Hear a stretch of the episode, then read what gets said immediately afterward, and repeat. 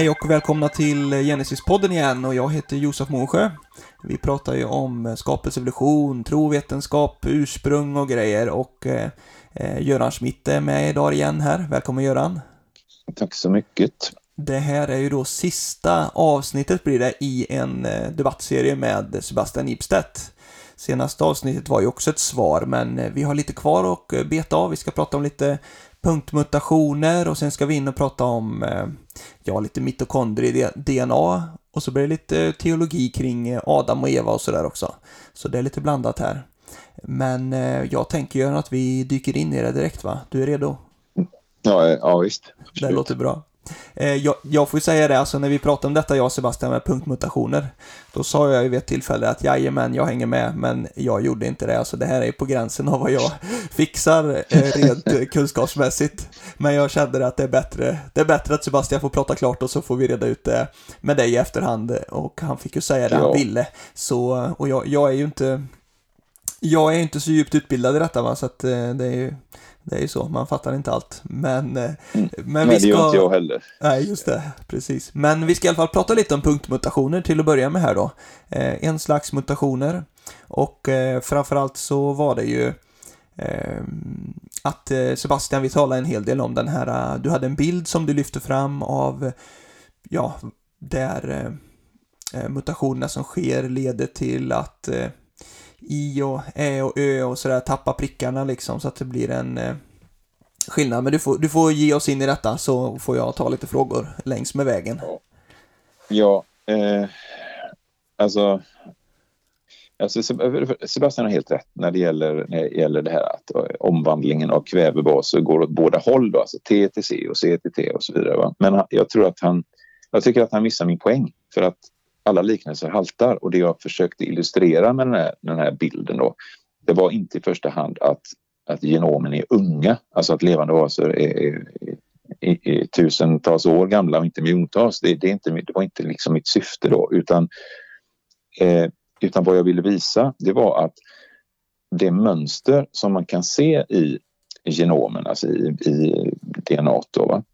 det är just spåren av den här genetiska nedbrytningen över tid som sker med hjälp av eh, mutationer då, som i sin tur är, eh, eh, styrs av naturlagarna. Alltså det, det, det är kemins lagar som avgör liksom och, eh, vad som händer då med de här bokstäverna i DNA så att säga. Va? Alla är utsatta för det här. Det är liksom apor och människor och alla andra levande varelser. Ända, ända sedan Gud programmerade alla levande varelser som vi tror då i början så har den här nedbrytningen fortsatt eh, och hållit på då ända sedan syndafallet. Så att eh, alltså så här tänker ju vi som bibeltroende eh, att om vi hade kunnat DNA-testa djuren i Edens trädgård då skulle vi inte ha sett det här mönstret som vi pratar om nu. Utan det är då spåren efter årtusenden av slumpens och kemins lagar i levande varelsers arvsmassa. Skillnaden mellan mitt och Sebastians synsätt när det gäller det här det är att Sebastian ser den här nedbrytande processen som evidens för evolution. Eh, men samma som tidigare, alltså samma observation kan tolkas på två helt olika sätt. Då. Antingen kan man se det som evidens för evolution eller som en perfekt skapelse som sen slits ut som ett klädesplagg för att citera Bibeln. Så att egentligen förstår jag inte Sebastians invändning mot det här därför att, därför att eh, eh de diagram som Sebastian visar upp eh, det bygger på att man jämför motsvarande gener inom arter eller mellan arter. Eh, inte gener som är helt väsensskilda utan eh, eh sådär va. Och eh, Sebastian säger så här att jag lyssnade, fick lyssna flera gånger på, på vad han sa. Han säger så här att det finns inte anledning att se att mönstren blir lika om vi jämför människor och schimpanser om de inte var lika från första början. Det fick jag lyssna flera gånger på för att för det är ju nämligen precis vad vi menar. Alltså schimpansers och människors eh, gener var verkligen väldigt lika från början. Och det är just därför som vi ser det mönster som vi gör. Och hela den här metoden bygger på att man jämför då samma eller motsvarande gener hos båda arterna. Annars går det, kan man inte dra några slutsatser överhuvudtaget. Så vad jag tror att Sebastian menar det är att eftersom man kan jämföra en viss gen hos människan med en motsvarande gen hos schimpanser och eftersom skillnaderna dem emellan stämmer överens med det här sönderfallsmönstret så skulle det bekräfta evolutionen. Men som sagt var, vi tror ju att Gud använde många identiska eller snarlika gener när han programmerade, när Gud programmerade både schimpanserna och människorna. Så att, så att det är helt förväntat att skillnaderna mellan schimpans och människa har samma sönderfallsmönster. Så att, så att jag menar, allt, allt DNA hos alla djur, alla människor sönderfaller över tid genom mutationer. Ända sedan skapelsen när allting var perfekt. Och nu kan vi alltså se rakt över hos alla djur, hos människor, när vi jämför mellan människor, när vi jämför mellan schimpanser, när vi jämför människa och schimpans och allt annat. Då kan vi se samma mönster överallt för det är samma naturlagar som har gällt. Så att det är en långsam nedbrytningsprocess som sker som har skett sedan skapelsen. Då. Och hade den fortsatt, sen är det en, självklart så, hade den nedbrytningsprocessen fortsatt så, så, så hade ju då hade liksom vårt DNA varit väldigt mycket mer förstört än vad det faktiskt är. Men det, det är liksom en annan fråga. Om jag får säga då, om jag har förstått här ja. då, då tänker jag så här ja. att från början så skapade Gud oss eh, och schimpanser kanske med en 90% likhet i DNA säger vi. Och, ja. eh, och det betyder ju att den här liksom hur mutationerna och punktmutationerna, mönstret kring det, det borde ju bli 90% likhet. Och om gorillorna bara är 85% lika oss i DNA från början, då borde ju mutationsmönstret bli 85% likt. Och så vidare. Är, är, det, är det helt felförstått eller, eller är det ungefär så? Eh, nej, alltså om man jämför, om man, säger så här, om man jämför en gen från en schimpans och en människa, då skulle man då hitta samma nedbrytningsmönster i, eh, när man jämför dem som när man jämför motsvarande gen hos en människa och en gorilla till exempel. Eh, för, för, för då skulle man hitta samma eh, typ av nedbrytningsmönster där också. Eh, sen, sen är det ju så att eh, det spelar ingen roll vilken egenskap som man jämför mellan schimpans, gorilla, människa så kan man liksom ordna dem eh, i, i liksom eh, gradera skillnaderna på något sätt. Och det kan man göra med, med DNA också. Eh, men just det här nedbrytningsmönstret, där, där jag, jag, kan inte liksom, eh, jag förstår, jag kan inte hänga med i Sebastians argument där för att utifrån mitt perspektiv så är det naturliga att nedbrytningsmönstret är detsamma. Eh, oavsett vad man, vad man än tittar på. Så att, eh, det är möjligt att jag inte riktigt hänger med på, på, på eh, argumentet men men... Eh, vi lämnar ja, det där så, jag, så, går vi vidare kanske. Ja, jag tror, jag, ja, jag tror det. Eh, att vi får göra det. Precis. Och eh, då så går vi vidare och pratar om detta med mitokondrie-DNA och sådär. Och det är mm. lite spännande där, för där, där pratar ju... Ja, det finns ju spännande grejer som, som eh, du har lyft fram som tyder på att, eh, att de här Y-kromosom Adam och, och mitokondrie Eva att de skulle ha levt för bara en, eh, ja, i storleksordningen 10 000 år sedan. Eh, och Sebastian eh, lyfter fram lite andra saker där och pratar lite om eh, det naturliga urvalets förmåga och han nämner ju detta att, att det skulle finnas kontrollregioner då som man testade först som, som pratar om att ja, där den här höga mutationshastigheten var men att det inte var så hög mutationshastighet i, eh, i resten av eh, mitokondrierna och, och lite sånt där. Mm. Ja.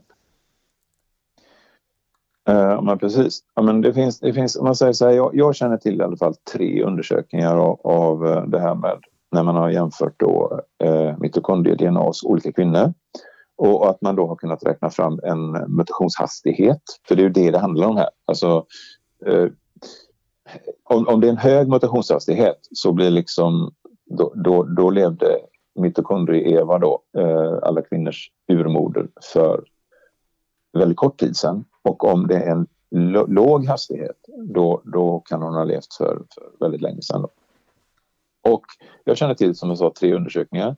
En av dem visar att mitokondrier, alltså den hastigheten då, visar att hon levde för någonstans mellan 7 till 8 000 år sedan. En annan visar på 6 500 år och en tredje visar på 6 000 år. Och, och, här säger Sebastian så här att mutationshastigheten verkar vara tio gånger högre. Men jag, jag hämtade, nej, men jag, gick in, jag gick in i Science och, och läste där, där skriver man så här, alltså den här tidskriften då. Eh, det, när man pratar om det här då. Detta är i storleksordningen 20 gånger högre än resultat från fylogenetiska analyser, alltså när man då tittar på fossiler och sånt. Den här skillnaden kan inte förklaras genom att helt enkelt hänvisa till substitutioner i mutationella hotspots. Det vill säga den här skillnaden, här skriver man i Science så här, jag har referens till den här, eh, att, att det, det, handlar inte om att det är någon speciell del av DNA som muterar väldigt snabbt. Eh, det, det, kan då, skriver man här i Science, det kan inte förklara den här stora skillnaden. Då. Och eh, på andra ställen i litteraturen så finns det liksom, nämns även 25 gånger högre. Så att, så att eh, tio, jag vet inte riktigt vad han, eh, Sebastian hämtar det här tio gånger högre för det är en klar underdrift skulle jag säga då. Men det är klart, det här måste ju förklaras på något sätt.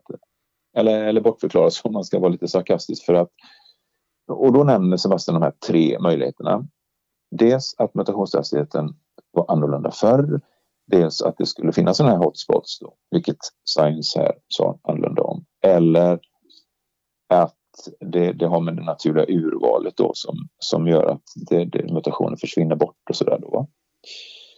Eh, sen kan man naturligtvis säga att, att eh, Sebastian kunde ju ha nämnt den fjärde varianten och det är ju att det här faktiskt stämmer. Alltså att, att mutationshastigheten faktiskt är likadan som den man har uppmätt. Så att säga, va? Och då skulle Eva faktiskt ha levt för, för 6000 år sedan. Då. Eh, vad ska man säga? Ett, det här med att mutationshastigheten var för högre förr i tiden. Jag skulle säga att det låter lite sådär ad hoc, eh, det vill säga att det låter som ett, ett sätt att och det tror jag tyckte jag nästan att Sebastian själv var inne på. Liksom. Det, det, det låter lite grann som att det här är liksom en typ, eh, bara en, en, en bortförklaring helt enkelt. Då, eh, så att jag, jag, tror absolut eh, efter vad jag har läst att, att det kan finnas en viss variation av den här mutationshastigheten. Till exempel på grund av att om man i en population har kort generationstid då är det ju många fler generationer, då är det många fler mutationstillfällen än om, om man får ungar eller barn i hög ålder så att säga. Va? Så det, då kan variationen finnas där. Då, Men det måste ju vara medräknat i de här äh, beräkningarna. Ja, det är inte säkert att det är det alltså. Uh, för, för att man måste ju anta en viss mutations, en viss generations eh, hastighet eh, eller mutation eller inte generationslängd för att kunna beräkna hastigheten. Så det, det, kan hända att... att ja, så det, det betyder det att man, man, väljer ju liksom hur lång generationslängd det är. Om det är 10 år ja. eller 20 år och då blir det väldigt stor men, skillnad i... Men, men det kan inte vara 25 gångers skillnad eh, på det här sättet. Det, det är viktigt. Så, att, så att det, det där, den förklaringen kan inte förklara att det är 25 gånger högre eh, generationstid. Eller förlåt, mutationshastighet. Sen det här med hotspots. Eh, där läste jag i Science och det, det, här har bekräftats av en eh, forskare, en kristen forskare som heter Nathaniel Jeanson. Då. Han, han eh, publicerade en, eh, en undersökning 2015 och då, då kollade han på nya siffror, alltså nya uppgifter och, som då var baserat på hela mitokondrie-DNA, inte bara då vissa, vissa gener som man haft tidigare. Alltså det var något som Sebastian tog upp det, det hette D-loopen då, som, som eh, tre trippel-DNA där. Eh, men, men det här baseras då på hela genomet. Och, och det, han, han, kunde bara bekräfta det som stod i Science. Att det här, det här, det här, den här hastigheten är så hög och den beror inte på att det är bara vissa gener som muterar snabbt utan det är faktiskt så att det gäller hela mitokondrie-DNA. Eh, sen, eh, ja, men sen och sen naturliga urvalet där, det, det, det, det där, eh, så säger jag om det då, eh, att det skulle då bara ha, ha, ha på något sätt fixerat en bråkdel av mutationerna då. Ja, eh, det, det, det, alltså det naturliga urvalet det, det, har visat sig att det naturliga urvalet är inte alls så effektivt så att vi skulle kunna klara det.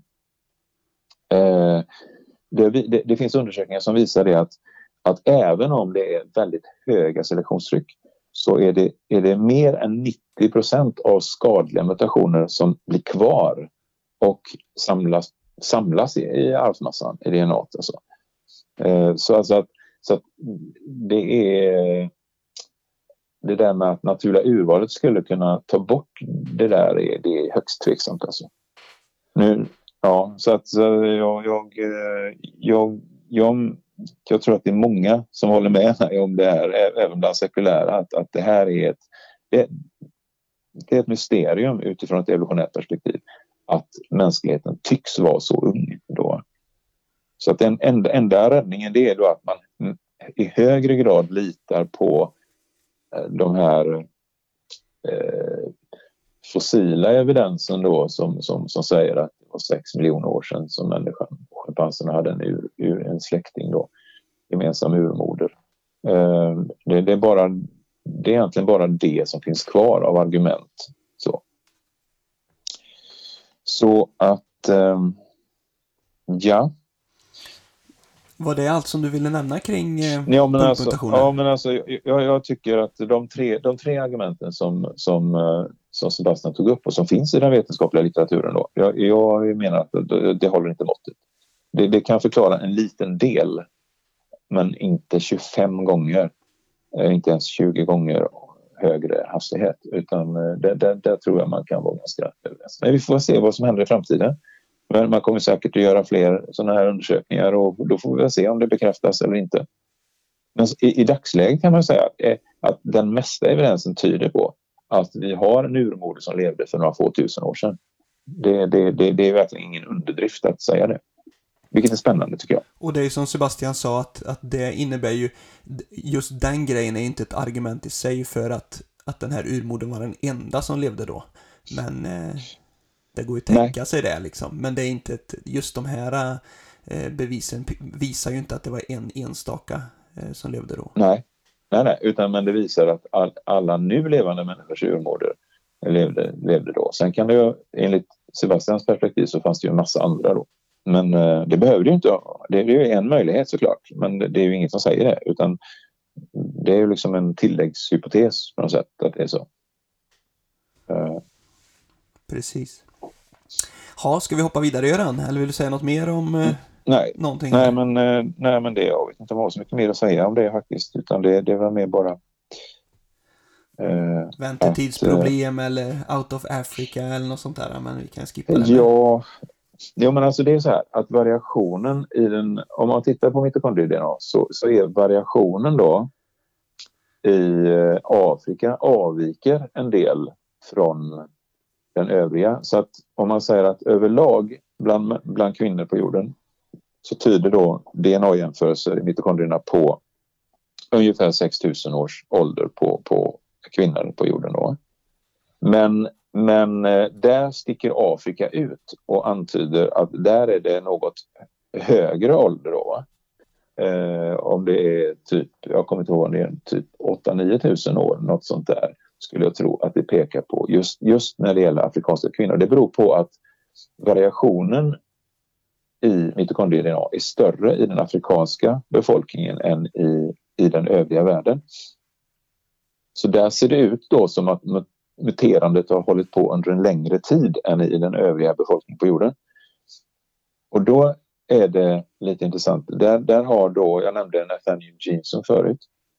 Eh, han gjorde då eh, 2016 gjorde han en undersökning där han, där han liksom, eh, tog hänsyn till det här med generationstiden. Och då konstaterade han att afrikanska kvinnor har en betydligt kortare generationstid än kvinnor i andra delar av världen. Det vill säga man, i Afrika generellt så gifter man sig mycket tidigare än i andra delar av världen. Ofta redan i alltså unga tonåren då. Och det gör att eh, Afrikas befolkning har alltså generellt sett hunnit med många fler generationer av människor än man har i andra världsdelar. Och när han då så att säga, korrigerar då de här DNA-analyserna då med en sådan faktor där, då hamnar även de afrikanska folken inom, inom en 6000 års ram för mänskligheten. Då. Och, och det, det, är väldigt spännande därför att det gör att, det gör att, eh, att, att människans, mänsklighetens ursprung faktiskt inte eh, då eh, tycks ha varit i Afrika utan i Mellanöstern, vilket är helt förväntat utifrån ett bibliskt perspektiv. Sen kan man tillägga att det finns andra evidens också som har kommit fram för att eh, out of Africa-hypotesen då, att människan uppstod i Afrika, den börjar överges. Det, det, jag ska inte gå in på det, men det, finns även andra saker som pekar åt samma håll. Då. Så att det verkar som att det bibliska perspektivet håller där. Bara en, en kritisk fråga då så här, är det självklart att generationstiden har varit lägre alltså länge under tusentals år eller är det bara under 1900-talet som generationstiden har varit lägre i Afrika? Det, ja, det är en bra fråga. Det, för det vet man ju inte. Utan det är bara, det är mest konstaterande detta att om, om det är så att, att vi har haft eh, eh, en kortare generationstid i Afrika generellt av kulturella skäl under långa, långa tider, tusentals år, då skulle det förklara den här skillnaden att Afrika sticker ut eh, i, i, i frågan om det här och, och verkar äldre, att, att, att då mänskligheten där verkar äldre. Så att, eh, men det är ju liksom, det är som all forskning, det är, det är som en hypotes det här då. En, en hypotes som skulle kunna förklara då varför det ser ut som det gör. Just det. Så det... Om vi ska hoppa vidare då och prata lite, lite teologi istället. Lite bibel och, och grejer. Det är väl kul. Ja. Det var kul så pratar ju jag och Sebastian då om, han lyfter fram en modell och han är tydlig med att säga att, att det är inte självklart för honom att det här är den eh, bästa eh, teistiska evolutionistiska modellen. Men, men det är ett sätt som han menar är eh, väldigt intressant och det är ju det här med någon form av genealogisk Adam och Eva. Att Adam och Eva skulle kunna ha levt för eh, 60-10 000 år sedan. Eh, men att de inte var de första eh, människorna Eh, men däremot att de är eh, förfäder till alla nu levande människor genom att, ja, det är klart det går ganska fort för eh, ja, för en individ att, att spridas liksom. Alltså i bara fyra fem generationer senare så har man väl en 50-100 ättlingar beroende på. Men ja, man får lyssna mer på det om man vill veta hela resonemanget. Men vad, vad, vad tänker du om detta med genealogiskt och genetiska förfäder och sätta en skillnad där och utifrån skapelseberättelsen och... Mm. Först så tycker jag att det är viktigt att poängtera att det finns inte något i själva skapelseberättelsen som antyder att det skulle ha funnits några andra människor eller ja, nästan fast ändå inte riktigt människor vid sidan av Adam och Eva. Eh, den enda, det enda, bi, den enda bibelvers som, som Sebastian nämner överhuvudtaget eh, då, som han menar att peka på det, det är frågan om Karins hustru och den kan vi återkomma till. Eh, men, eh, men alltså skapelseberättelsen som sådan är helt fri från den sortens antydningar om att det fanns andra människor. Och då kan man undra liksom, vad kan då en sån syn ha kommit ifrån och blivit så populär bland våra dagars teologer? Och, och, det är klart det svaret är ju jätteenkelt. Det, det, här är helt och hållet ett sätt att anpassa bibeltexten till den sekulära synen på människans ursprung som jag väl tycker att vi har pratat tillräckligt om i det här laget. Då. För, så att läser man Bibelns texter utan den sortens liksom, utifrån perspektiv då så är det, skulle jag säga, att det är fullständigt kristallklart att Adam och Eva är både våra genealogiska förfäder och våra genetiska förfäder. Men inte bara till oss utan till alla människor som någonsin har levt på jorden. Så att eh, det, det är väl viktigt att säga från början då. För att allt annat som vi kan prata om här som, som Sebastian tar upp, det är ju spekulationer som är under förutsättning att evolutionen är ett faktum. Då måste det ju vara Sådär. Om jag slänger in ett par bibelord då så tänker jag på, det står väl i kapitel 3 där i första Mosebok då att Eva var, hon blev moder till alla levande. Ehm, och även så står det i kapitel 2, alltså Sebastian gjorde ju, eller den här modellen gör ju en uppdelning eh, mellan kapitel 1 och kapitel 2, att kapitel 1 skulle ha varit liksom då Gud skapade de första människorna. Och sen i kapitel 2 skapar Gud Adam och Eva långt senare. Men jag vet eh, mm. William Lane Craig då som är en amerikansk eh, teolog som också har ett evolutionistiskt eh, tänkande kring detta, men han säger det att Alltså det står ju i första Mosebok kapitel 2 att det fanns ingen som kunde bruka jorden. Så det blir väldigt konstigt att säga att, eh, att Adam och Eva inte var de eh, första människorna mm. eftersom det uppenbarligen står att, att det inte fanns några människor som kunde bruka jorden. Mm. Ja. Nej, jag håller med. Alltså det, det, det finns ju hur mycket bibelsammanhang som helst. Det är väl samma, eh, jag kommer inte ihåg vad det står, men det står väl i Apostlagärningarna, det är väl Paulus predikan på Areopagen där i Aten. Där han säger att alla människor liksom kommer från en enda, en enda man då, Adam då. Eh, så att det är, det, det, är helt klart Jesus, eh, utifrån vad Jesus säger i evangelierna och utifrån vad apostlarna, alltså Petrus, Johannes, de här Paulus talar om, så, så för dem var det totalt självklart att, att det är så här att alla människor som lever är rakt nedstigande led släkt med Adam och Eva som de första människorna på jorden. Uh, så ur ett teologiskt perspektiv, alltså ett bibliskt perspektiv så är det kristallklart. Men sen, och nu får vi hantera då de här, den här and, det här andra perspektivet som, som kommer in nu, men man måste hela tiden tänka på det här, de här tankarna har ingenting med Bibeln att göra. De kommer utifrån och det är ett sätt att på något sätt vrida och vända på bibeltexterna så att de ska kunna bereda plats för det här evolutionära tänket och synen på människan. Eh, så att det är bara modern genetik som krävdes. Och så. Eh, nu, nu så såg vi då att när det gäller eh, mitokondrie-DNA och även när det gäller Y-kromosom-DNA så, så stämmer inte det. Därför att det, de kräver verkligen inte det här synsättet utan, utan den del av genetiken som Sebastian menar kräver det här det är då det andra DNA, alltså det som finns i de där icke-könskromosomerna, autosomala eh, kromosomerna då. Eh, och då säger Sebastian så här att eh, enligt honom så, så, krävs det då 700 000 år med känd mutationshastighet för att ge upphov till den variationen som finns i de här 44 kromosomerna då, hos människan.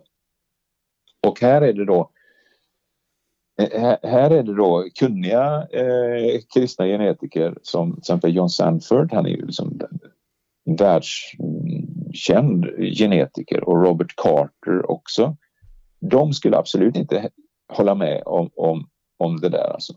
Så, så att för att få de här höga åldrarna som 700 000 år då väljer man att utgå från evolutionära liksom, förutsättningar och man tar inte hänsyn till eh, viktiga historiska händelser som, som, som Bibeln dokumenterat som till exempel vad som, alltså de genetiska effekterna av eh, sådana här flaskhalsar, alltså som till exempel syndafloden där bara åtta personer överlevde. Eh, den typen av händelser påverkar det genetiska materialet väldigt mycket. Och, och vad, vad, hände därefter, några hundra år därefter? Jo, då splittrades jordens befolkning i, i samband med det som hände vid Babel.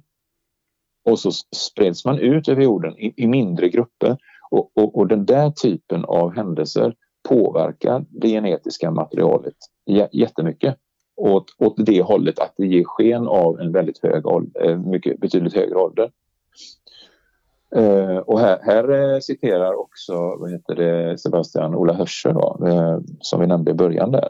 Men vad, vad, han står i den här frågan, det hörde vi vid årskonferensen. Alltså han, han, han är helt klar med att han anser inte att den genetiska evidensen på något sätt entydigt pekar på de här höga åldrarna utan han är helt bekväm med 6000 års eh, ålder för mänskligheten utifrån statistik tillämpad på genetiken.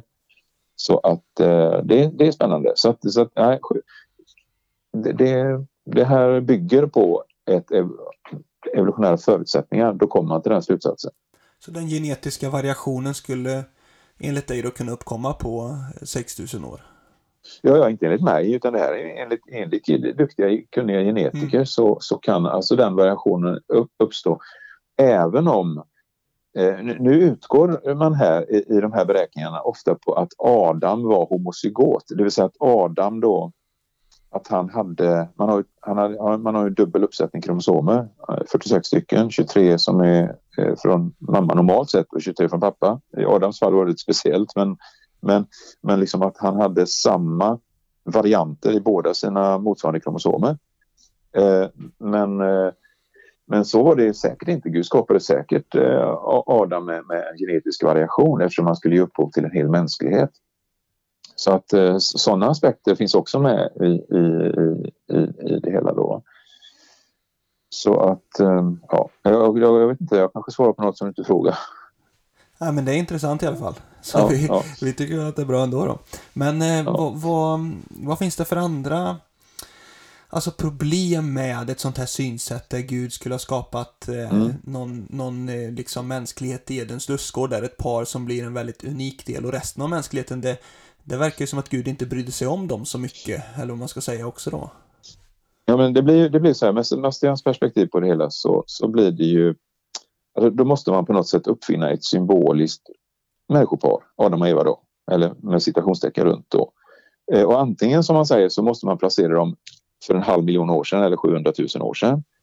Eller så skulle man kunna placera dem för 6 000 år sedan. Men, men i så fall, säger Sebastian då, då, då måste det varit tillsammans med eh, eh, eh, mängder då av andra eh, något lägre utvecklade eh, människor då på andra sidan trädgårdsstaketet som inte var Guds avbilder då, eller i alla fall inte lika mycket på något sätt då.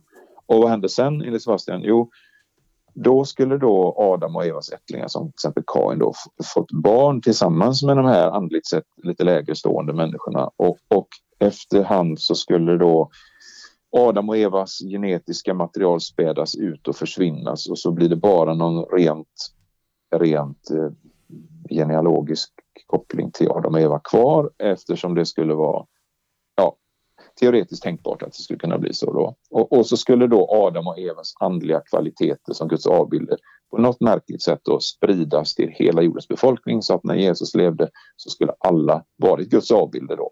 Men, men, men det blir ju massa problem med det synsättet för att på något sätt så leder det, leder det till att alltså för det första så skulle det skulle man om du tänker sig situationen då vid tiden för för eh, den här lustgården eller Edens trädgård.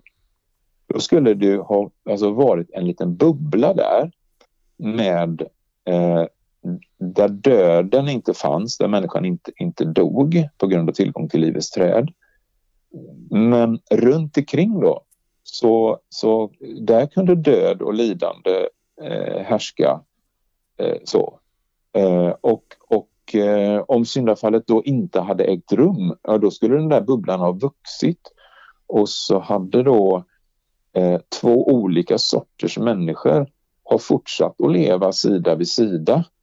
Eh, det, det, tycker jag är ett väldigt märkligt perspektiv att tänka sig något sånt eh, med, med två olika kategorier. Då. Och speciellt som de här, de här skillnaderna mellan människorna är väldigt subtila, det vill säga Eh, det är väldigt svårt att definiera, även för Sebastian tror jag, vad det egentligen var för skillnad mellan de människorna som fanns utanför lustgården och de som fanns inne i den här trädgården då. För i eh. den här modellen så tänker ju han sig att, att människorna utanför och, och före Adam och Eva också, att de var skapade till Guds avbild. Men att de kunde dö, de syndade, de kanske hade någon moralisk kompass uttryckte det han, han det som. Man, men liksom det som man klassiskt tänker i med att, att synd och död kom in i mänskligheten med syndafallet, det, det stämmer ju inte alls med det. Nej, och då, då, skulle de på något sätt ha varit så oskyldiga där utanför så att de inte kunde tillräknas någon synd eller något sånt där. Så när de slog ihjäl varandra eller sådär så skulle de då inte ha kunnat läggas till last för det. Ungefär som, som oskäliga djur då, tänker man, gissar jag. Jag, jag, ja, men det, det, det uppstår många problem. Jag, jag, jag, tänker även på detta med geografisk avstånd och sånt. För det känns lite som, jag vet inte, det kanske är möjligt, men det känns som man slätar över, alltså Mellanöstern till Sydamerika eller till några avlägsna öar borta i Indonesien eller något. Alltså det är ju Det kan ju inte vara jättelätt att sprida eh, släktbanden dit bort. Nej, eh, för, för, men på något sätt så det där att vara Guds, eh, alltså nu blir det ju lite konstigt då för att Sebastian säger att de var Guds avbilder. Eh, men de var inte släkt med Adam från början då? Nej, inte släkt med Adam, okej. Okay. Nej, och, då, och då, då blir det ju det problemet som du, du... Du ställde en fråga det här med aboriginer och sådär va? Som skulle ha varit i Australien för 50 000 år sedan. Eh, och, och vad svarade Sebastian? Ja, han sa någonting i stil med att ja, det är inte omöjligt eller så. Men Ja, han tänker ju sig att, att eh, liksom Adams eh, släktled skulle ha kunnat spritt sig till eh, Australien då till Jesu tid. Att det inte är något problem. Ja, okay. Men, Nej, men, men det, det, är lätt att säga, men jag tror att det jag tycker att det är ett tämligen långsökt resonemang då. Jag tänker istället så här. Tänk vad enkel och radikal och lättbegriplig den bibliska förklaringen är då. Alltså att aboriginerna de härstammar från en folkgrupp som begav sig iväg från Babel precis som, som alla andra folkgrupper, precis som Bibeln beskriver det. Och eh, de här dateringarna de bygger på felaktiga premisser helt enkelt. Eh, det kanske låter jättelätt eh, men en, en, förklaring behöver inte vara banal bara för att den är enkel. Det, det, är, det bibliska perspektivet är ju att för eh, storleksordningen 4500 år sedan någonting, så spreds jordens eh, folkgrupper ut eh, från ett spridningscentrum i Mellanöstern, vilket det är att bekräfta. Eh, och sen, sen hamnar man i olika delar av världen. Eh, och, eh, och därför är alla i rakt nedstigande släkt, eh, led släkt med Noa och hans, hans tre söner. Eh, och i sin tur då med, med Eda, Eva och Adam. Eh, eh, dessförinnan. Så, så. Alltså det, det här är, det, det, är fullt möjligt. Det enda som skulle göra att man skulle behöva överge ett sådant scenario eller tveka på det, det är då de här evolutionära tankegångarna. Att man måste få dem att harmoniera med bibeltexterna. Det finns ingen annan orsak. Därför att eh, den, den, rent bibliska innanläsningen då eh, har en enkel förklaring. Skulle jag säga. Eh, och som stämmer med Nya Testamentets teologi. Så, så det är bara att göra det jobbigt för sig och, och, och införa den här typen av... Sen finns det en annan fara med det tycker jag. Och det är att det här öppnar ju lite grann för... Alltså det är inte så att jag, jag, jag menar att Sebastian tänker så här i rasistiska termer men det, det öppnar för en teoretisk möjlighet att det kan ha fin, finnas och har funnits då olika sorters människor av olika kvalitet på, alltså i någon form av andlig bemärkelse då och det, det, tycker jag känns obekvämt. Det känns ingen, ingen bra magkänsla av det så att säga. Va? Precis, att vissa, var, vissa är av Adams släkt och andra ja, var inte det. Andra var inte det. Liksom.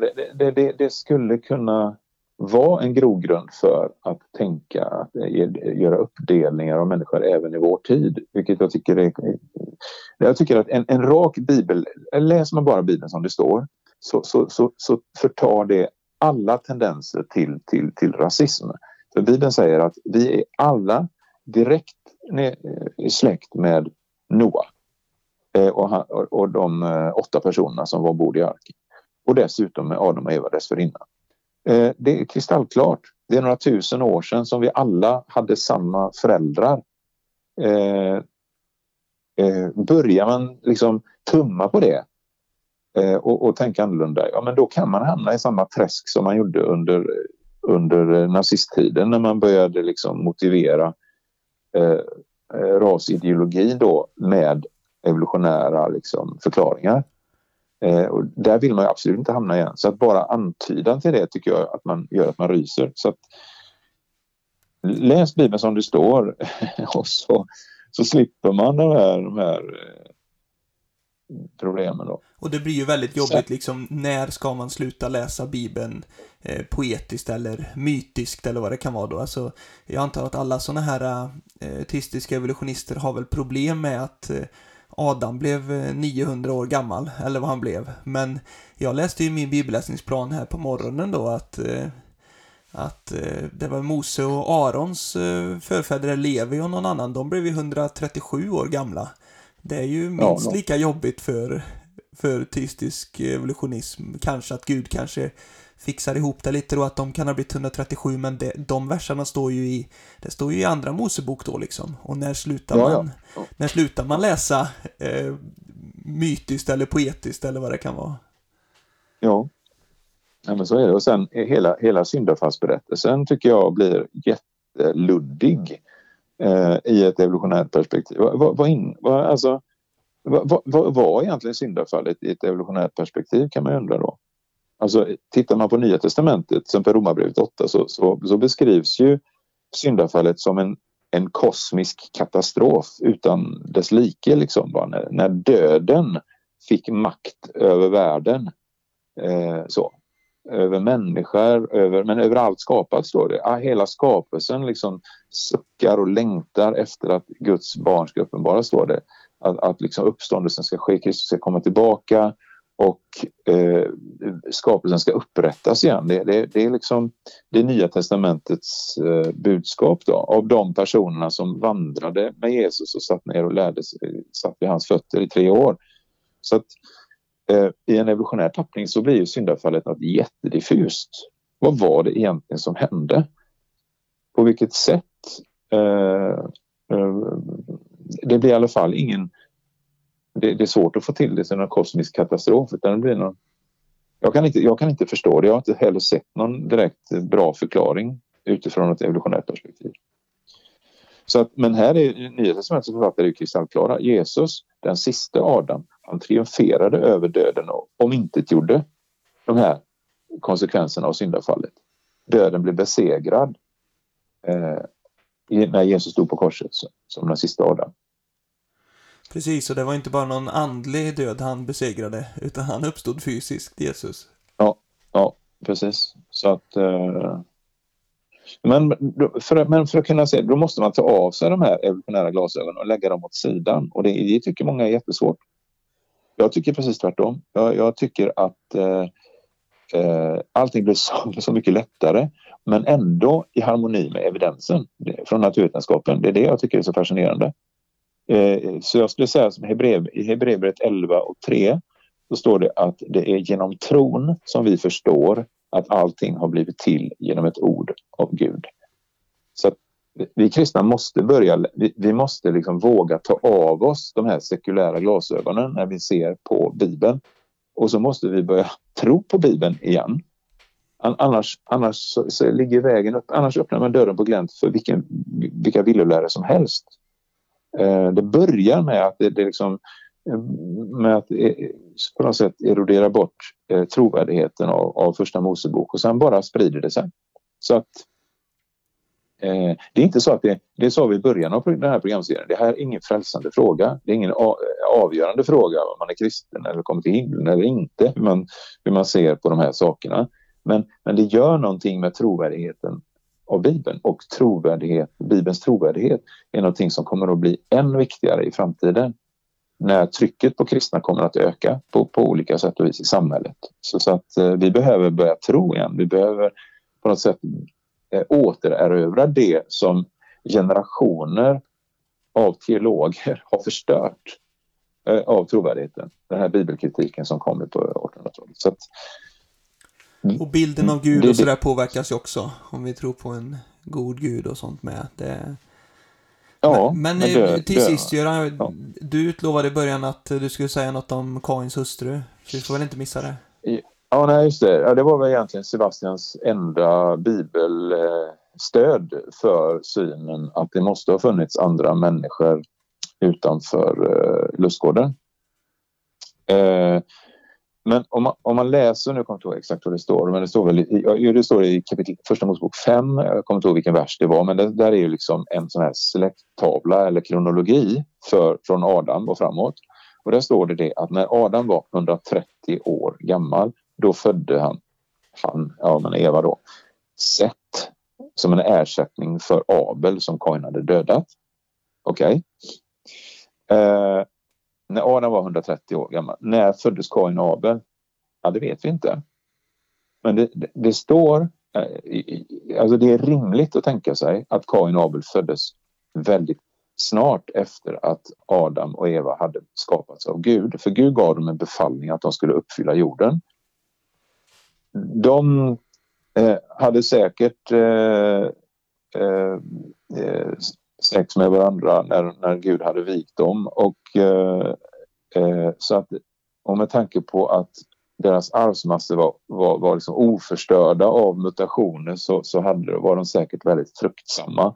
Så att, så att de fick säkert barn väldigt, väldigt tidigt. Så efter, det skulle förvåna mig om de inte inom fem år i alla fall hade för både Kain och Abel. Då.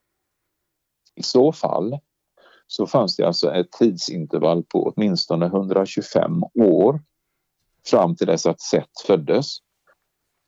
Eh, som Adam och då i princip skulle ha levat i celibat eller något eller använt sig av preventivmedel vilket är högst orealistiskt skulle jag säga då, både och.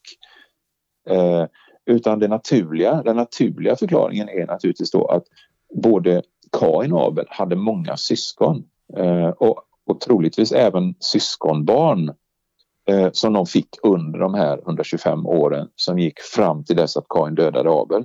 Så att när Kain då har dödat Abel och, och Gud skickar iväg honom till eh, öster om Eden, som det står det då. Så, så då hade han mängder av, av eh, eh, kvinnor, så att säga, då, yngre än han själv, som han kunde ha tagit hustru. Så att det, jag skulle säga att det är ett pseudoproblem det här eh, med, med Kain, att han, att han behövde ha, att det skulle ha funnits andra. Så, att, så det bibelordet kan man glömma i sammanhanget helt och hållet och då, då, då, då finns det inga, eh, ingenting i bibeln som, som överhuvudtaget tyder på eh, det här att det skulle funnits andra människor eller det står ju så här då i första Mosebok 4 och 17 att Kain låg med sin hustru och hon blev havande och födde Henok.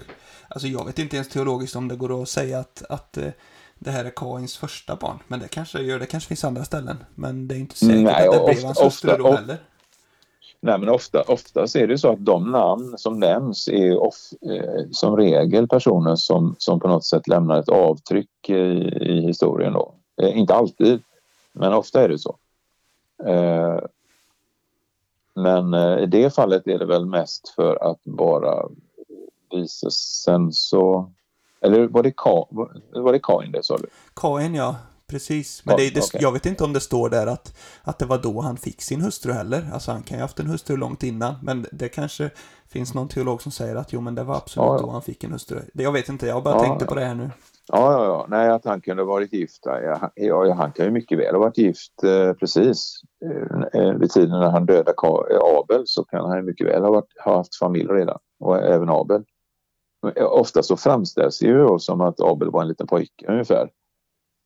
Men det här var ju hundraåringar om man säger så.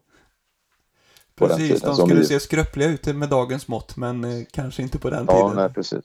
Nej, nej. Har du Göran, så... nu börjar det bli långt här, men eh, vi kanske är nöjda? Ja. Eller vad säger du? Ja, ja, men absolut. Uh, nej, men det, det, det, har varit en kul debatt. Uh, det är läge att avrunda den, så här, för det, det, jag tror inte vi kommer så mycket längre. Utan, uh, det viktiga är väl att man på något sätt kan ta fram de, de hu, huvudpunkterna i det här. Man kan se saker på ett sätt, man kan se det på ett annat sätt. Eh, man kan så att säga komplicera hela bibelläsningen genom att eh, utgå från att evolutionen är sann och eh, en sann verklighetsbeskrivning. Men man kan också låta bli och då blir eh, Bibeln så mycket eh, lättare att förstå och tolka. Och det är inte sagt att, att, lätt, att det ska vara lätt eh, hela tiden men, men eh, eh men jag tycker att eh, hade evolutionen gått att motivera eh, och hade det funnits bra argument för evolution generellt då, då hade det varit en sak. Men det gör inte det. Det gör inte det. Och, och därför så tycker jag att kristna inte ska flörta med sekulär, den sekulära världsbilden. Naturvetenskapen har inte övertygat dig om att evolutionen är ett faktum? Nej, naturvetenskapen har ju liksom för, för mig bekräftat Bibelns trovärdighet på så många plan så att det är, det är helt fantastiskt. Jag skulle uppmuntra var och en att ja, ta del av de, de argumenten som vi presenterar i magasinet Genesis och på podden och i våra webbinarier och allt sånt där. Och, och känna att tron växer, tron på Bibeln växer, tron på Gud växer. Precis. Amen säger jag på det. Och så tar vi och avslutar dagens avsnitt. Och skicka gärna in frågor och kommentarer till våran eh, mail då, podden.genesis.nu, podden med 2D. Så fortsätter vi detta och får se vad som händer framöver, vad vi kommer spela in, om det blir eh, något mer och vad det kan bli.